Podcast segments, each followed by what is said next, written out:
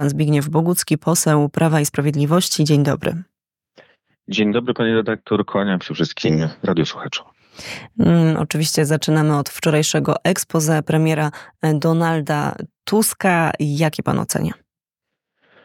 Programowo puste, no kilka obietnic, zaledwie kilka obietnic i to też złożonych w taki sposób warunkowy. No odnosząc to do tego programu 100 mm, postulatów na 100 dni, no to niewiele z tych postulatów zostało wymienionych, niewiele było e, konkretów. Było dużo ideologii, było dużo też e, takiej dotychczasowej mowy pana Tuska, czyli wskazywania, że e, no tutaj walczy ze, ze złem. Z jednej strony mówił o tym, żeby e, budować wspólnotę, a w drugim zdaniu mówił, że ostatnie 8 lat to zło. Więc trudno tutaj doszukiwać się jakiejś takiej logicznej spójności tego przemówienia. Trwało dosyć długo, bo blisko dwie godziny. Myślę, że to, to, to tyle, co można o tym powiedzieć. W takim razie może coś więcej można powiedzieć na temat pytań, które były zadawane przez e, posłów, także przez e, pana. Wczoraj słuchaliśmy, e, słuchaliśmy no, tych pytań z mównicy sejmowej. Czy jakie pan zadał pytania konkretnie i czy dostał pan odpowiedź? Ja zadałem kilka pytań. Może najpierw od kwestii odpowiedzi. Oczywiście te pytania padały z sali sejmowej, trwało to kilka godzin. Pytali zarówno posłowie z Prawa i Sprawiedliwości, ale także posłowie koalicji, e, wszystkich ugrupowań, które e, są w Sejmie. No i czekaliśmy na te odpowiedzi. No i niestety żadna odpowiedź nie padła. Przypomnę, że na początku tej debaty, właśnie w swoim mm. expose, pan premier Tusk mówił o tym, mm. że odpowiedzi że odpowiedzi zostaną udzielone na każde pytanie, że każdy poseł otrzyma odpowiedź. I można powiedzieć, bardzo tak źle, bardzo słabo zaczynają, ponieważ no, nie padła żadna odpowiedź na żadne pytanie, nie tylko posłów Prawa i Sprawiedliwości, nie tylko nie padła e, odpowiedź czy odpowiedzi na moje pytania, ale także e, pan Tusk zlekceważył pytania swoich posłów, posłów swojej koalicji e, rządowej. Także zaczyna od złamanej obietnicy i to bardzo zły prognostyk. Natomiast wracając do tych moich pytań, ja pierwsze, pierwsze pytanie postawiłem e, takie bardzo ogólne, bo przecież e, pan Tusk, nowy rząd został wyłoniony w procedurze demokratycznej zgodnie z konstytucją i pytałem nowego premiera, czy nie wstydzi się tego, że i w kampanii, i wcześniej mówiąc wprost, okłamywał Polaków, że w Polsce demokracji nie ma, że w Polsce demokracja upadła, że mamy totalitaryzm, a jednocześnie w demokratycznej procedurze e, teraz zostaje wyłoniony on i jego rząd. E, na to pytanie oczywiście nie uzyskałem, nie uzyskałem żadnej e, odpowiedzi. Pytałem też, czy przeprosi za, za te kłamstwa Polaków. W drugim, w drugim, można powiedzieć, wątku, bo to nie było takie bezpośrednie pytanie, ale wskazywałem na to, że pan premier Tusk no, wykorzystał niestety w sposób taki niegodny politycznie tragedie, które były związane, można powiedzieć, z okolicznościami politycznymi, czy chciałby je powiązać z okolicznościami politycznymi, ale na przykład nie wspomniał już o zabójstwie działacza Prawa i Sprawiedliwości, który został zamordowany w akcie takiej nienawiści politycznej w Łodzi. To już nie było przedmiotem, że tak powiem, rozważań nowego pana premiera, ale pytałem także o to, co dla mnie niezwykle ważne, czyli o mój kochany Szczecin, o Pomorze Zachodnie, e, ale także to były inwestycje, które ważne są z punktu widzenia całej Polski. E, pytałem w pierwszej kolejności o zachodnią obwodnicę Szczecina. Nie wszyscy słuchacze jeszcze muszą znać, jak ważna to jest droga. Można powiedzieć, że to jest taka droga życia dla Szczecina, a więc stworzenie takiej prawdziwej obwodnicy wokół Szczecina. Droga ważna dla zarządu morskich portów Szczecin, Świnoujście, dla rozwijających się zakładów chemicznych Policji, ale także droga ważna dla turystyki, tak żeby można było objechać Szczecin zarówno z lewej, jak i z prawej strony. Dzisiaj to jest niemożliwe. Mamy tylko drogę po stronie wschodniej miasta. I pytałem, dlatego że w czasie rządów e, pana Donalda Tuska, wtedy kiedy on rządził po raz pierwszy, jego doradca Jan Krzysztof Bielecki mówił, że to jest jakaś lokalna fanaberia. E, natomiast minister w rządzie ówczesnym, e, pan Nowak, nie chciał wpisać jej do planu budowy dróg krajowych i autostrad.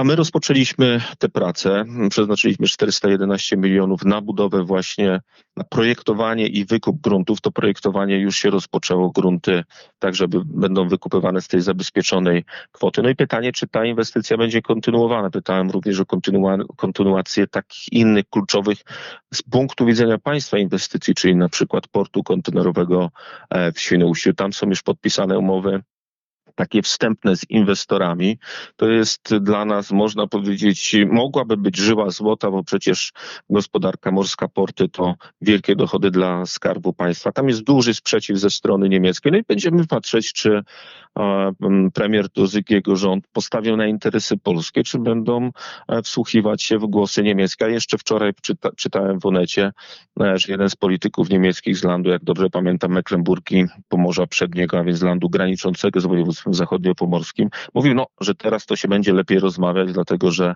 jest nowy polski rząd i lepiej będzie się wsłuchiwał w te argumenty strony niemieckiej. Ja bym chciał, żeby e, przede wszystkim polski rząd wsłuchiwał się w argumenty Polaków, nasz polski interes narodowy i pytałem właśnie, czy ta inwestycja będzie kontynuowana. Kolejna inwestycja związana ze Świnoujściem, ale niezwykle ważna dla naszej gospodarki, również dla ochrony środowiska, dla odnawialnych źródeł energii, to port instalacyjny w Świnoujściu, a więc elementów do elektrowni wiatrowych, które mają powstawać na Bałtyku. Ona jest realizowana przez Orlen, przez Zarząd Portów Szczecin i Świnoujście razem z partnerami zagranicznymi. zagranicznymi. Ja jeszcze jako wojewoda wydałem dwie decyzje, które umożliwiły właśnie już rozpoczęcie budowlanych e, dla tego portu, dla tego terminala instalacyjnego.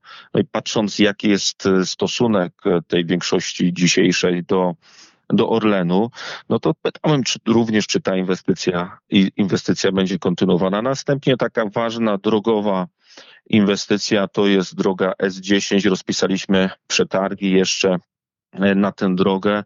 Ona ma połączyć Szczecin z Warszawą przez innymi Stargard, Piłę, Bydgoszcz, Toruń. To dla nas szalenie ważna droga, bo dzisiaj musimy jechać e, przez Poznań jeszcze bardzo drogą autostradą, autostradą między Poznaniem a Warszawą. E, no i wreszcie Odrzańska Droga Wodna to ważny element całej infrastruktury transportowej dla zachodniej Polski, od Opolszczyzny aż do e, Świnoujścia, regulacja Odry e, i prace na Odrze. Tutaj też olbrzymie sprzeciwy ze strony niemieckiej, chociaż swoje rzeki regulowali i wykorzystują je gospodarczo. My zgodnie z, że tak powiem, ze sztuką, ale także chroniąc środowisko, chcieliśmy e, i realizujemy ten projekt. On jest bardzo zaawansowany, są... aby również na Odrze można było prowadzić taką racjonalną gospodarkę z interesem Polski.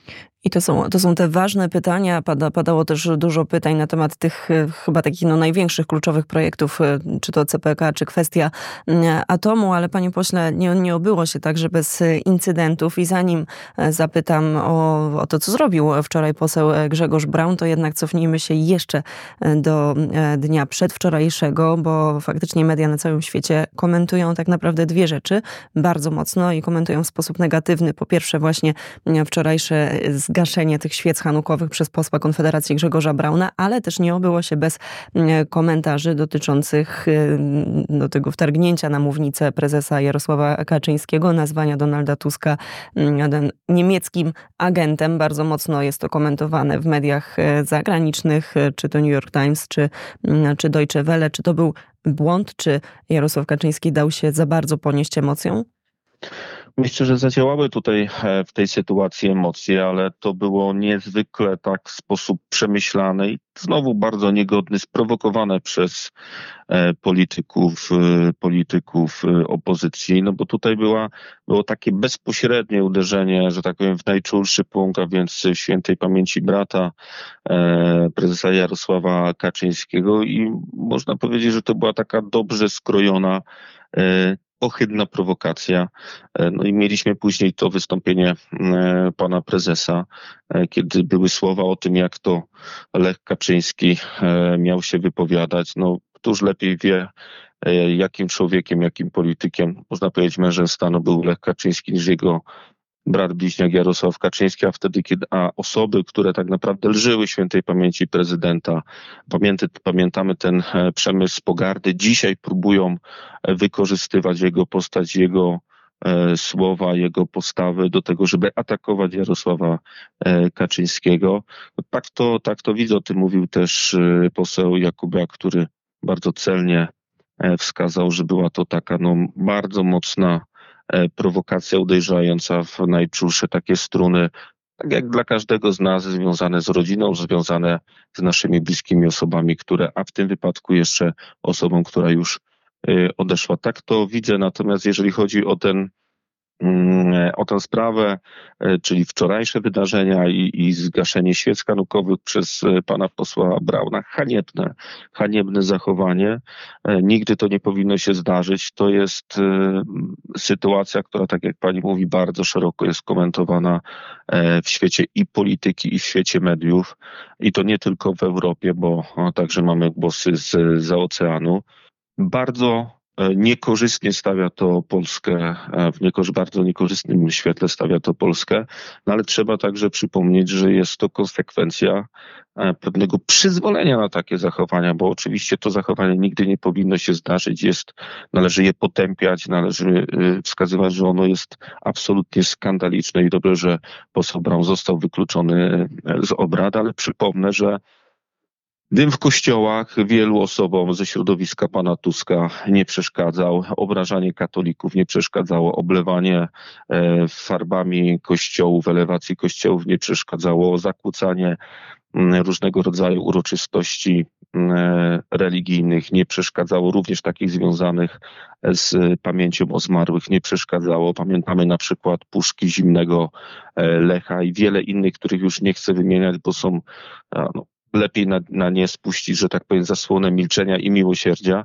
No ale jednak trzeba o tym pamiętać, że było takie e, przyzwolenie na tego rodzaju działania, więc jeszcze w momencie, kiedy Lewica złożyła taki projekt uchwały Sejmu i słusznie o e, potępieniu. My także domagaliśmy się, żeby potępić jakiekolwiek e, tego rodzaju akty, czyli przerywanie, czy godzenie w uczucia religijne, w właśnie możliwość sprawowania swojego obrządku, także jeżeli chodzi o, o praktyki chrześcijańskie, nie tylko katolickie, ale mówimy tu szerzej.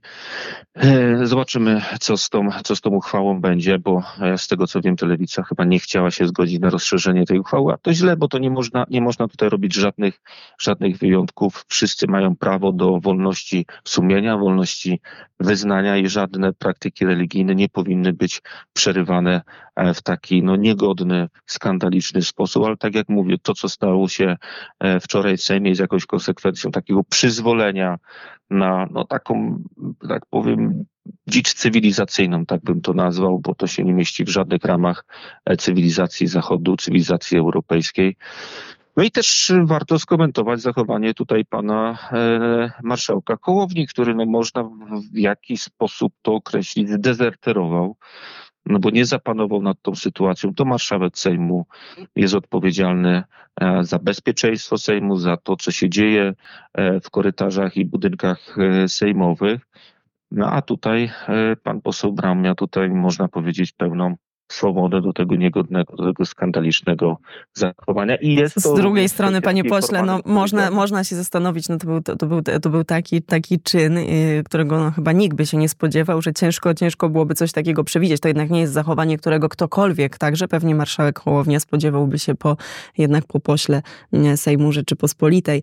E, myślę, że to jeszcze... Zgoda. Mhm. Panie redaktor, tu zgoda, tylko ja też pamiętam wtedy, kiedy marszałek, e, kiedy pan poseł Brown e, miał tego rodzaju takie antysemickie e, wypowiedzi w stosunku na przykład do premiera Mateusza Morawieckiego, no to mm, spotykało się to z takimi radosnymi komentarzami ze strony pana marszałka, z jakimiś takimi uśmiechami. Na pewno nie spotykało się ze stanowczą, ze stanowczą taką krytyką i przerwaniem tych wypowiedzi. No, jest jakaś e, odpowiedzialność, nie mówię, że w sposób absolutnie bezpośredni ma, ma Pani rację, ale jest jednak odpowiedzialność również e, taka formalna. No po prostu gospodarz, którym jest marszałek, odpowiada za to, co dzieje się w Sejmie. To prawda. Tutaj na razie postawimy kropkę. Bardzo serdecznie dziękuję za komentarz. Pan Zbigniew Bogucki, poseł Prawa i Sprawiedliwości, był gościem poranka wnet. Dziękuję za rozmowę. Dziękuję pani redaktor. Wszystkim życzę dobrego, e, udanego, szczęśliwego dnia. Pozdrawiam serdecznie.